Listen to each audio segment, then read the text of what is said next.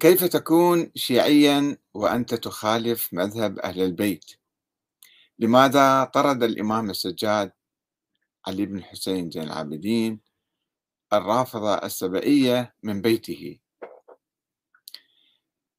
آمم، هذا موضوع في الحقيقة يهم الشيعة ويهم بقية المسلمين من أهل السنة. آآ، الشيعة اليوم لابد أن يعرف آآ، إخواننا من أهل السنة لابد أن يعرفوا بأن الشيعة كانوا نائمين في كهف التاريخ ألف عام.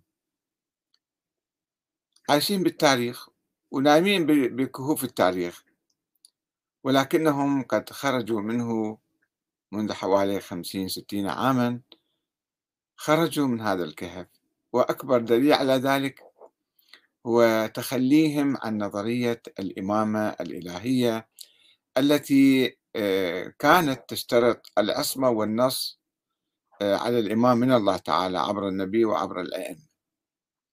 وقبولهم وإيمانهم بالشورى بالديمقراطية بالجمهورية. وإقامة أنظمة على أساس هذا الفكر الجديد. الفكر الذي كان يتبناه الشيعة الأوائل وأهل البيت وعموم المسلمين وبخصوصا أهل السنة ما عدا بعض الناس اللي متطرفين من أهل السنة أيضا كانوا يؤمنون بالانقلابات العسكرية ولا يزالون أو بالسيطرة بالقوة على السلطة وتوريثها الأبناء والأحفاد. ما عدا هؤلاء عامة المسلمين اليوم يؤمنون بالديمقراطية ويطالبون بها. ترون الحركات الثورية في كل مكان آه، تطالب بالحرية والديمقراطية وبحكم الشعب ويرفضون الانقلابات العسكرية كما الآن المعركة دائرة في السودان منذ سنوات.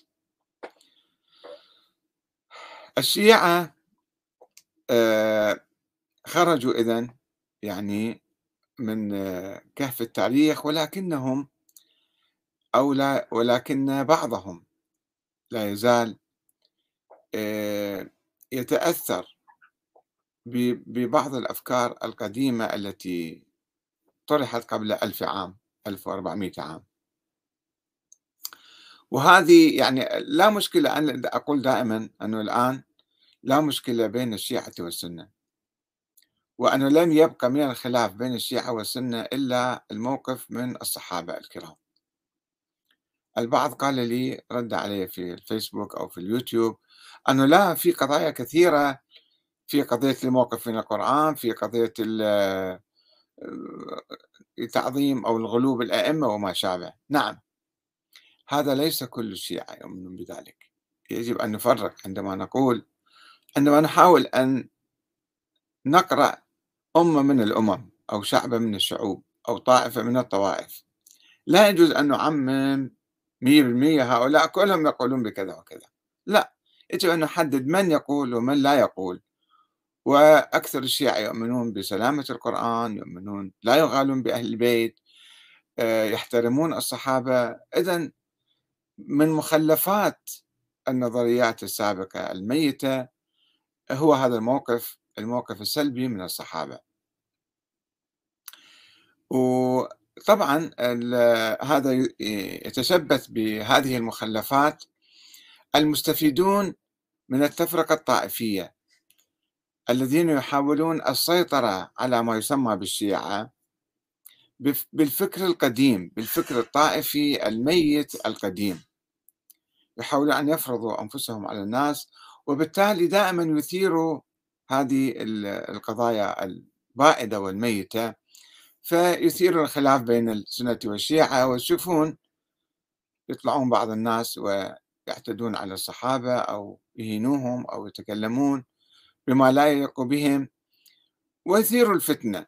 في الحقيقة يعني في فئة هي واعية يمكن تحاول السيطرة والتحكم بالشيعة قبل الآخرين.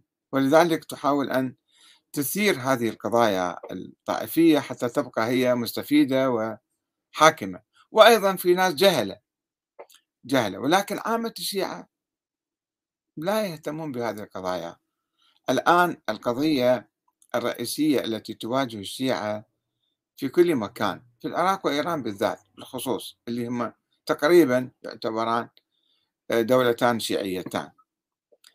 الديمقراطية حكم الشعب آه، إرادة آه، يعني المشاركة السياسية.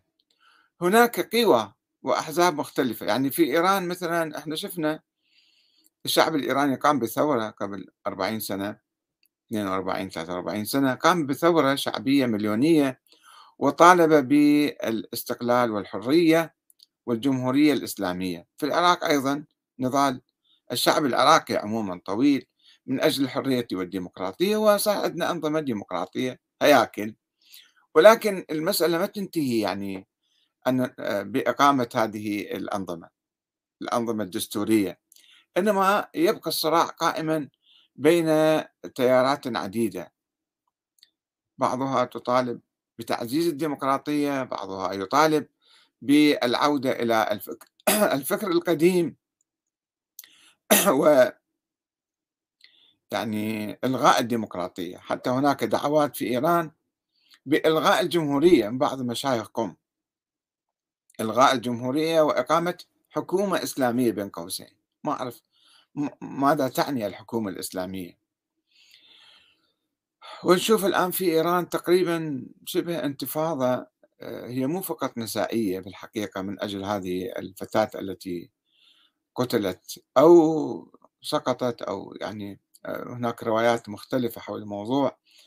يعني عادة آه، شرطة الأخلاق في إيران تمسك اللي ما متحجبين جيدا من النساء وتعطيهم دروس. ويقولون أنه إحنا في القاعة كنا دخلي هاي الفتاة وأغمي عليها وسقطت وأصيبت بسكتة قلبية. هذه رواية الحكومة الإيرانية رواية الشرطة الإيرانية ورواية أخرى تقول لا انضربت وعذبت وما شابه والله أعلم بما جرى ولكن الآن هناك شبه انتفاضة عامة في نظري لا تقتصر على موضوع الحجاب والنسوان مثلا بدأوا يخلعون الحجاب يعني آه، غطاء الرأس المقصود فيه وإنما هناك أزمة سياسية في إيران. يعني انتخابات رئاسة الجمهورية الماضية في العام الماضي يعني هي كانت تقريبا آه، يعني شبه تعيين ولم تكن انتخابات حرة لأنه أقصوا كل أقصي كل المرشحين المنافسين الجديين اللي كان يمكن يفوزوا منعوهم من من المشاركة بالانتخابات. هذه ما تصير انتخابات فيصير واحد يعني يا تعالوا صوتوا له. فهذه أزمة تعتمل في النفوس وتبقى إنه هذه ما في بعد نظام ديمقراطي. ما في يعني آه، يعني حرية حرية المشاركة أو الانتخاب. وأيضا الأزمة الاقتصادية بفعل المقاطعة الأمريكية لإيران. وهذه أيضا تضاعف وبالتالي تشكل يعني انفجار كما يحصل الآن. آه، في العراق كذلك هناك نظام ديمقراطي ولكن فئات عديدية من الشعب العراقي من الشيعة بالذات معنا ما علينا هسه بالسنة والأكراد نتكلم عن الشيعة ما يؤمنون بالديمقراطية. حتى الآن هم يشاركون ويستفيدون ولكنهم لا يؤمنون لا بالدستور ولا بالديمقراطية. وعلى رأس هؤلاء المرجعية تستغربون من عندي يمكن. المرجعية سيد السيستاني بالذات حقيقة وأنا آسف أن أقول هذا الكلام السيستاني هو دعا إلى الدستور ودعا للمشاركة في الانتخابات والتصويت على الدستور.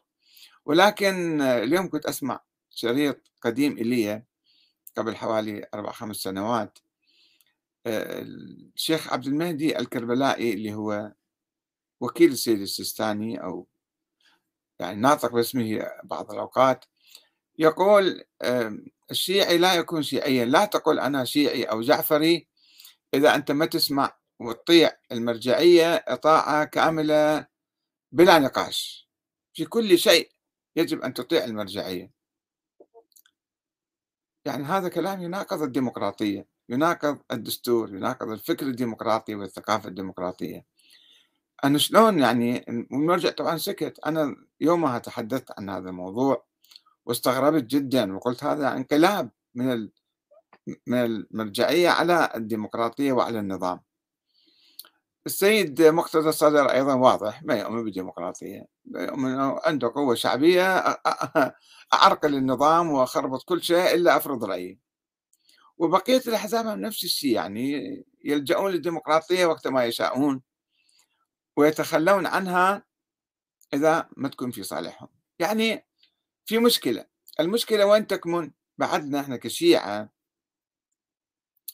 دخلنا في العصر الديمقراطي ولكن بدون إيمان بالديمقراطية بصورة كاملة. يعني إلى قبل عشرين سنة أو كذا الأحزاب الإسلامية لم تكن تؤمن تقول حرام الديمقراطية. أو نرجع إلى ستين سنة في الستينات مثلا. المراجع كلهم كانوا يحرمون الديمقراطية و يحرمون إقامة الدولة أصلا في عصر الغيبة. ما يجوز لازم ننتظر صاحب الزمان يطلع الإمام مهدي يطلع. فوقعوا يعني الأحداث ساقتهم وجرتهم إلى الإيمان بالديمقراطية آه، ولكنهم حتى الآن يعني ما عندهم إيمان دقيق. لا يقسمون على الدستور المراجع والقيادات ما يقسمون لأنهم ما يؤمنون كيف يقسمون؟ فالتشبث بالفكر القديم الطائفي التشبث بالفكر الإمامي هو الذي يفرز المشاكل ويفرض سيطرة المراجع على الناس.